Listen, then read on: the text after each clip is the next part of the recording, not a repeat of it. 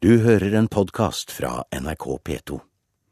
Alt tyder på at et nytt eh, Munch-museum lar vente på seg, og det blir det mer om i Kulturnytt, eh, Turi Grønbekk. Mm, for å si det sånn, så er det ingenting som tyder på at verkene til Norges største kunstner blir plassert i et nytt museum med det første. Nye forslag til eh, nytt Munch-museum i Oslo kommer til å ta mye lengre tid å bygge enn eh, Lambda. De nye alternativene er dessuten like dyre som den omstridte Lambda-bygningen som er nedstemt. Det kommer frem i utredningen av alternativer til nytt museum som skal legges frem i dag. Politikerne har nå dårlig tid, det mener direktøren for Munch-museet, Stein Olav Henriksen. Morderen er jo eh, sterkt motiv. På Munch-museet i Oslo viser direktør Stein Olav Henriksen fram et av de mindre kjente maleriene til Norges største billedkunstner. Han håper å få plass til å vise fram mer av Edvard Munchs kunst i et nytt museum. Vi har jo hatt eh, store utfordringer på museet her sånn med hensyn til klima. Vi har problemer med tak og lekkasjer og kondens og, og i det hele tatt. Så I tillegg er det jo plassen. da. Det er lite plass her til å drive moderne form for forskning og drive moderne form for konservering. Eh, og i det hele tatt drive en moderne form for museumsdrift. I dag er han et skritt nærmere et nytt museum når utredningen om de ulike alternativene legges fram. Rapporten som er bestilt av Oslo bystyre utreder to alternativer på Tullinløkka og tre på Tøyen, og kommer med én anbefaling for hvert sted.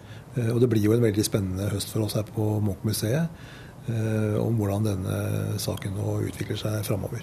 Det viktigste for oss det er å få et nytt museumsbygg. og at det er viktig at det kommer så raskt som mulig, fordi at vi føler at eh, forholdene her på Tøyen er eh, vanskelig å leve med. Begge de to anbefalte alternativene innebærer at det vil ta ti år før vi får et nytt museum. På Tøyen anbefaler rapporten å rive dagens Munch-museum og bygge nytt på samme tomt. Det vil koste 1,7 milliarder kroner, og innebærer at kunsten vil bli utilgjengelig for publikum i nesten fem år. På Tullinløkka mener utrederne at man bør rehabilitere Nasjonalgalleriet, i tillegg til å bygge en ny bygning. Dette alternativet er anslått å koste 1,62 milliarder, og forutsetter at Nasjonalmuseet flytter. Nå skal politikerne i Oslo bestemme seg for hvor et nytt Munch-museum skal bygges, sier leder av kulturkomiteen i bystyret, Øystein Sundelin. Nå må nok noen i bystyret samles for å prøve å komme frem til et eh, forslag som har bredest mulig flertall i bystyret. Eh, og Så vil det bli behandlet i de respektive komiteene i bystyret, og så i bystyret. Veien fram mot et nytt Munch-museum har vært lang. Allerede i 2008 vedtok Oslos bystyre å flytte Munch-museet fra Tøyen til Bjørvika. I 2009 vant den spanske arkitekten Juan Herreros arkitektkonkurransen med sitt forslag Lambda. Men opposisjonspartiene i Oslo ønsket ikke Bjørvika, og i et bystyremøte i fjor høst ble det flertall for å droppe vinnerforslaget og heller utrede et Munch-museum på Tøyen og på Tullinløkka. Prislappen på de nye alternativene er omtrent den samme som det vrakete forslaget Lambda, som ville kostet 1,65 milliarder kroner og skulle ta omtrent tre år å bygge. Høyre og Venstre håper fortsatt på omkamp om Lambda. Nå vil Høyres Øystein Sundelin at partiene begraver stridsøksen og blir enige raskt. Det hadde vært fint om vi fikk et vedtak før jubileumsåret i 2013. NRK har vært i kontakt med gruppelederne for de ulike partiene i Oslo, men ingen vil kommentere rapporten før den legges fram senere i dag. Så skal jeg ut. Det vil fremdeles ta flere år før et nytt Munch-museum står klart. Men Munch-direktør Stein Olav Henriksen håper at valget av alternativ kommer snart, så arbeidet med å bygge nytt kan komme i gang. Jeg tror det er mange som er utålmodige, ikke bare her på museet, men også i resten av eh, samfunnet. Så eh, vi håper jo det at vi får et vedtak eh, på denne siden av jul. Men på den annen side, det viktigste er å få et vedtak. Reporteren, det var Ida Kvittingen. Amerikanske myndigheter mener at de har funnet mannen bak filmen The Innocence of Muslims, som har ført til voldsomme reaksjoner og opptøyer i Midtøsten. Det skriver VG. Ifølge politikilder så er det en 55 år gammel mann fra Los Angeles som står bak den anti-islamske filmen. Han innrømmer å ha tilknytning til filmen, men nekter for at det er han som er regissør. 55-åringen får nå politibeskyttelse. Stortinget bør si opp sin avtale med Kanal Digital dersom de folkevalgte ikke lenger kan se TV 2 Nyhetskanalen. Det sier visepresident på Stortinget, Eivind Korsberg, til Dagens Næringsliv. TV 2-kanalen Nyhetskanalen, Bliss og TV 2 Film kan forsvinne fra Kanal Digital-kundenes skjermer hvis ikke, hvis Kanal Digital og TV 2 klarer å bli enige om hva som skal betales for å sende TV 2. Nyhetskanalen er et viktig arbeidsverktøy for oss politikere, det sier Korsberg, som også er Fremskrittspartiets mediepolitiske talsmann. Utenlandske studenter må betale for å studere ved norske universiteter og høyskoler, det mener Senterpartiet. Og også Fremskrittspartiet er positive til å innføre skolepenger for studenter som ikke har norsk statsborgerskap. Antall utenlandske studenter har steget med 50% de siste to årene, beskriver Aftenposten. Og en av årsakene er at både Danmark og Sverige har innført betaling for studenter fra land utenfor EU og EØS de siste årene. Fortellinger om enkeltskjebner dominerer journalistikk på asylfeltet. Kjersti, Kjersti Torbjørnsrud forsker på mediedekningen av asylsaker, og sier at dette kan føre til at enkelthistoriene overskygger de store linjene. I Tromsø sa saken om ti år gamle Yalda Bahadori og hennes foreldre som frykter å bli splittet og sendt ut av landet, fått stor medieoppmerksomhet. Det har vært en lang eh, føljetong det siste året spesielt. Lang reise, ja. ja. I redaksjonslokalene til I Tromsø ser sjefredaktør Jørn Christian Skoglund og journalist Per Christian Johansen på oppslagene om Hjalda. Livredd for å miste pappa.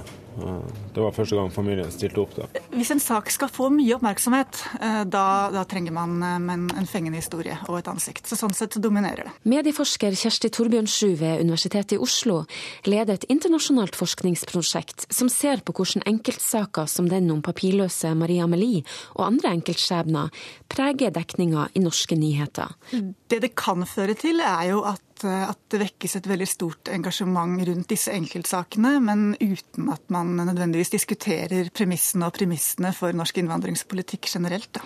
Justisdepartementet og statssekretær Pål Lønseth inviterer nå journalister til møte om medias formidling av innvandringssaker, og hva som skjer når skjebnejournalistikk møter innvandringspolitikk. Det som jeg nok savner en del innimellom, er eh, også eh, å belyse de problemstillingene som reise seg i enkeltsaker utover det å påpeke at uh, kanskje noen er i en vanskelig situasjon uh, osv. Uh, der tror jeg nok fortsatt at uh, journalister har kunnet blitt belyst en del problemstillinger bedre enn hva, de, hva man ofte ser. Hei, du er kommet fra NRK har en avtale med Hjort ca. klokka halv Fra rådhuset i Tromsø har Høyre-politiker og ordfører Jens Johan Hjort engasjert seg i Alda-saka. Han skrev brev til Stoltenberg om at tiåringen burde få bli tromsøværing. Ser du en fare for at hvis både media og politikere går inn i enkelthistorier, eh, at man ikke ser på resten av eh, politikken og systemet bak? Nei, i utgangspunktet ikke. Eh, jeg tror vel at eh, det er nødvendig at media er de vaktbikkjene de skal være. Og så eh, kan det tenkes at det da setter fokus på noe hvor politikken muligens må, må endres en smule for at den skal være i pakt med hva folk mener er riktig. Enkelthistorier er viktig for å vise konsekvenser av politikk, mener Ann Margrethe nå i Norsk organisasjon for asylsøkere. Men det er eh, helt entydig at det er barna og fokuset på barna og de store øynene og utryggheten til barna som er det som skaper det følelsesmessige engasjementet. Men det er samtidig det som på en måte kan påføre eh, barna størst eh, belastninger ved at de så entydig blir bærer av hele familiens situasjon. Se hvor glad Jarle er, ja. Og der hun eh, er i, i luftig sprang eh, med flagget i hånda. Fordi at hun sannsynligvis får bli i Tromsø? Ja, det her er jo dagen etter at uh, kjennelsen kom, og, og uh, det var klart at hun får lov å bli. Sjefredaktør Skoglund viser frem den foreløpig siste forsida med Hjalda etter at familien gikk til sak mot staten. Å fortelle enkelthistorier er spesielt viktig i nettopp asylsaker, mener han. Ja, Det er vel den eneste måten de kan bli interessert i systemet rundt. Det å få fortalt historier som den med Hjalda. Eh, som er med på å beskrive eh, feilslåtte utfall av et system som, som ikke er, er bra. Det sa sjefredaktør i lokalavisen i Tromsø. Sjefredaktør Jørn Kristian Skoglund og Hjalda og familien Bahadori vant frem i sin sak mot staten på at de skal forbli i Tromsø, men UNE har så langt ikke bestemt seg for om de skal anke tingrettens avgjørelse. Reporteren det var Karoline Rugeldal. Du lytter til eh, Kulturnytt, og tidligere i denne sendingen har vi snakket om hvordan det nye konserthuset i Stavanger vil prøve å fylle huset med publikum. Med elementer fra fantasy og Harry Potter så håper Kilden teater- og konserthus i Kristiansand å lokke til seg et nytt operapublikum. Nå til helgen så setter de opp en litt forenklet versjon av Mozarts Tryllefløyten.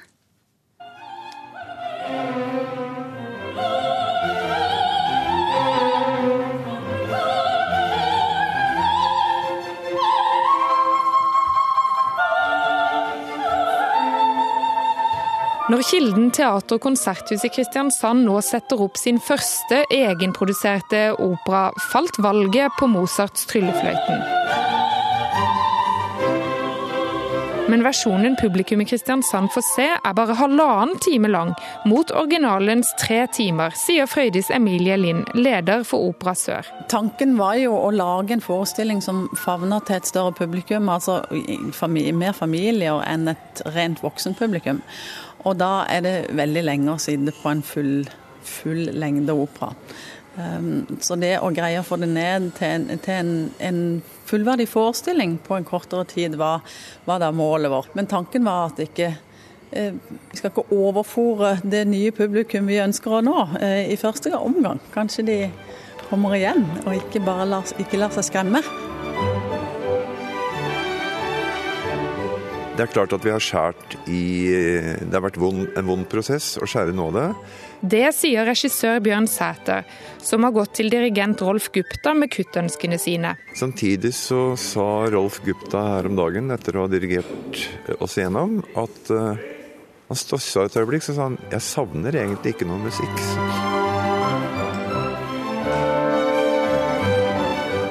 Tryllefløyten i Kristiansand er ikke bare kortere enn originalen.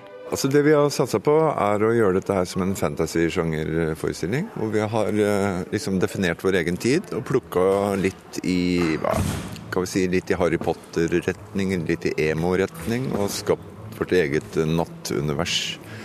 Så Sånn sett så er den på en måte litt moderne i formen, i den ytre formen. Eh, og så har vi, sammen med Rolf Gupta, dirigent, så har jeg jobbet mye med å at vi skal få et annet tempo enn normalt spillelse. Så det, det, går kjappere unna enn de er vant til. Det er for at det skal bli en ålreit opplevelse å møte en opera for første gang. Altså med tanke på unge folk og tanke med et publikum her nede som eh, kanskje ikke er vant til opera. At trekke nye folk til operaen, og samtidig gjøre det sånn at det ikke er en reprise for de som har sett dette flere ganger.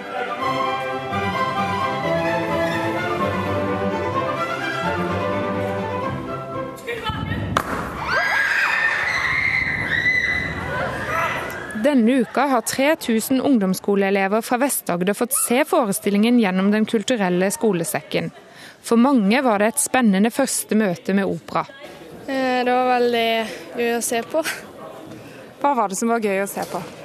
Alt, egentlig. Så var de veldig flinke. Og så var det gøy med de eksplosjonene. Likte du musikken? Eh, det er egentlig ikke mye musikksmak, men eh, jo. Har du vært på opera før? Nei, aldri.